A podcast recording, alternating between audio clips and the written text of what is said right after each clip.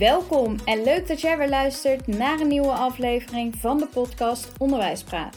Ik ben Sanne Bruin en leerkracht van het basisonderwijs. Heb jij ook affiniteit met het onderwijs? Dan is deze podcast echt iets voor jou. Ik help jou door middel van tips en handvatten met het worden van een goede leerkracht. Druk vooral even op de knop om deze podcast te volgen, zodat jij nooit meer een aflevering mist. Voordat we beginnen, hoop ik dat jij een super fijne kerst hebt gehad. En dat ondanks corona je familieleden hebt gezien of hebt gesproken. Ik hoop dat je het gezellig hebt gehad. Deze aflevering gaat over het Montessori-onderwijs. Waarom het Montessori-onderwijs? Omdat ik hier eigenlijk niks van af wist. Op de Pabo is het wel eens naar voren gekomen, maar ik was er zeker van dat eigenlijk het, ja, hoe noem je het, het normale, het ouderwetse onderwijs echt iets voor mij was. Dus ik sloot mij af van alle vormen van vernieuwingsonderwijs. Ben je ook zo'n student? Dan ben je blij dat je mijn podcast volgt, want nu krijg jij alsnog de kennis die je nodig hebt. Ik zal je kort iets vertellen over de geschiedenis van Montessori en waar het eigenlijk voor staat. Het Montessori-onderwijs is ontstaan door Maria Montessori. Zij was de eerste vrouwelijke medicijnstudent en de eerste vrouwelijke arts. Ze had een hele hoop ideeën over het onderwijs en in 1907 mocht zij haar ideeën in praktijk brengen. Dit deed zij in een sloppenwijk in Rome. Zij ving hier kinderen op waarvan beide ouders moesten werken. Deze kinderen moesten dus begeleid worden. Zodoende ontstond het Montessori-onderwijs. In 1915 bezocht Maria Montessori de Verenigde Staten. Zij was aanwezig bij een wereldtentoonstelling in San Francisco. Zij deed hier iets heel gaafs. Ze deelde een klaslokaal op zo'n manier in alsof zij te werk ging en ze had één wand van glas gemaakt. Hierbij konden toeschouwers zien hoe de 21 gekozen arme kinderen aan de slag gingen met haar ontworpen methode. Dit was een ontzettend groot succes. Hierna gaf zij overal ter wereld allemaal lezingen. In 1952 overleed ze. Een leuk feitje: ze ligt begraven in Nederland. Haar eindbestemming was Nederland. En ze ligt begraven in Noordwijk. De kern van haar Montessori-methode bevat eigenlijk samengevat de uitspraak: Help mij het zelf te doen. Het uitgangspunt is dat een kind een natuurlijke, noodzakelijke drang heeft tot zelfontplooiing. Hierbij moet de opvoeding en het onderwijs eigenlijk een ondersteunende rol zijn die het kind de juiste omgeving en materialen biedt. Ik had helemaal geen beeld van het Montessori-onderwijs en met dank aan Jona, op Instagram genaamd Jona Baan Schrijfbedrijf, heb ik toch even een kijkje mogen nemen in het Montessori-onderwijs. Typisch voor Montessori is de ontzettend veel materialen en het leren door te ervaren en te voelen. Materiaal dat typisch Montessori is, heeft alles te maken met de zintuigen. Bijvoorbeeld bij de kleuters leren de leerlingen schrijven door de letters te voelen. Ze moeten hun vingers nat maken onder de kraan, zacht maken noemen ze dat. En dan moeten ze hun vingers over de letters van schuurpapier heen bewegen, zodat ze precies weten hoe ze de letter moeten schrijven. Daarna schrijven ze het op.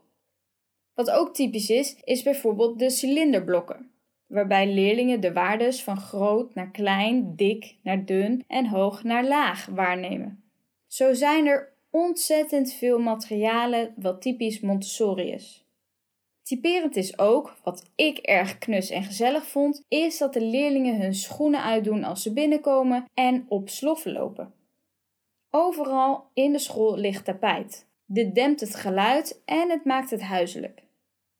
In het Montessori-onderwijs is er van oorsprong veel aandacht voor talentontwikkeling.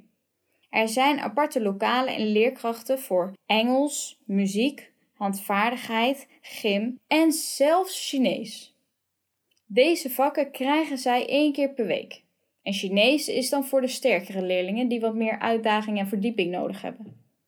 Er is ook een tuin, waarbij ze eens per week gaan tuinieren.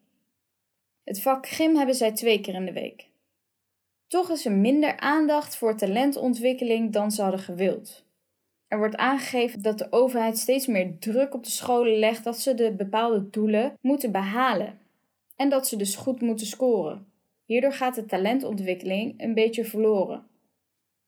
Als we kijken naar een dag in het Montessori-onderwijs, dan worden vakken als geschiedenis en aardrijkskunde klassikaal gegeven en de rest van de vakken wordt er eigenlijk alleen instructie gegeven als een individu dit nodig heeft. De leerlingen plannen hun eigen werk in voor de week en kiezen zelf wat ze wanneer willen doen en hoe ze dit werk willen doen. Dus willen ze dit alleen doen in een groepje of in tweetallen? De rol van de leerkracht is hierbij om te observeren. Waar gaat het goed? Waar gaat het fout? Wie heeft extra instructie nodig? Wie heeft er een push nodig? Je begeleidt eigenlijk het leertraject van de leerlingen en ondersteunt hierin. Jij als leerkracht houdt de taken van de leerlingen bij om te kijken of iedereen op schema loopt. Typisch Montessori is ook dat er drie jaargroepen bij elkaar in één stamgroep zit. Dus bijvoorbeeld groep 3 tot en met 5 zit samen en groep 6 tot en met 8 zit samen. Het idee hierbij is dat ouderen de jongeren helpen en dat de jongeren leren van de ouderen. Tijdens zo'n dag is iedereen eigenlijk bezig met eigen taken en eigen werkjes. Zelf weten zij hoe ze een taak aan willen pakken. Er wordt veel gewerkt met materiaal, met kleedjes op de grond. Doordat ze veel aan het samenwerken zijn, is het eigenlijk nooit stil. Je moet daar wel tegen kunnen om leerkracht te kunnen zijn op het Montessori-onderwijs. Een vaak gestelde vraag, en dus ook door mij gesteld, is wat is nou het verschil tussen Dalton-onderwijs en het Montessori-onderwijs? Nou geeft Montessori eigenlijk geen klassikale instructies, buiten aardrijkskunde en geschiedenis, etc. om. De leerling loopt dus rond en observeert en geeft alleen individuele instructie als dit nodig is. Dit verschilt wel per school. Elke school geeft hier een eigen invulling aan en sommige scholen geven meer klassikale instructies dan andere. In het Daltononderwijs zijn er wel vaste klassikale instructiemomenten in de week. Er wordt in het Daltononderwijs dan bepaald wie er bij de instructie moet zijn en wie niet. Je hebt ook het Montessori voortgezet onderwijs. Nou zou je denken dat iedereen van het Montessori basisonderwijs naar het Montessori voortgezet onderwijs gaat, maar nou is dat niet zo. Vaak gaan ook kinderen naar normaal voortgezet onderwijs. Een voordeel van Montessori is dat ze al hebben leren plannen. Nu heeft niet alleen Jona, maar ook Mies mij geholpen om een concreet beeld te krijgen van de dag. Zij is nu 2,5 jaar werkzaam in het Montessori-onderwijs en zij vertelt dat het rooster er per school anders uit kan zien. Op sommige scholen worden er meer klassikale lessen gegeven dan op andere. Pauzes bijvoorbeeld wordt op sommige scholen samengehouden, maar op andere scholen ook apart. De ene school legt dus meer vrijheid en verantwoordelijkheid bij het kind dan de ander. Een praktisch voorbeeld van de dag is: eerste inloop, dus ongeveer 15 minuten, dan de dagopening van 5 minuten. Dan het zelfstandig werken. Sommige scholen geven hier invulling aan door een les te geven voor een groep. Daarna hebben ze pauze. Dit verschilt ook weer per school. Sommige nemen zelf pauze, sommige hebben klassikaal pauze. Daarna is weer een tijd van zelfstandig werken. Daarna is weer een pauzemoment. En vervolgens hebben ze een kosmisch vak. En dit wordt dan wel klassikaal gegeven. Maar wederom, dit is niet overal hetzelfde. Tijdens het zelfstandig werken zijn de kinderen ook zelf bezig met hun weektaak en bepalen zelf wat, hoe en wanneer ze wat doen. De leerkracht loopt rond, observeert en ondersteunt. Zijn alle kinderen geschikt voor het Montessori-onderwijs? Nee. Wanneer is een kind nou wel geschikt? Vaak zie je als kinderen een beetje zelfstandig worden opgevoed, dus zelf alles mogen uitproberen en mogen zoeken, dan zijn ze meestal wel geschikt voor het Montessori-onderwijs. Soms zit deze zelfstandigheid ook al wel in het karakter van een kind. Maar er zijn ook kinderen die niet geschikt zijn. Daar moet je veel achteraan zitten, veel ondersteunen en veel samen plannen. Ben jij nu na al deze informatie nieuwsgierig geworden naar deze vorm van onderwijs? Tip: vraag rond naar mensen die werken in het Montessori-onderwijs. Het onderwijs helpt elkaar, dus er zijn vast wel collega's die jou het een en ander willen vertellen en wellicht wel een rondleiding willen geven.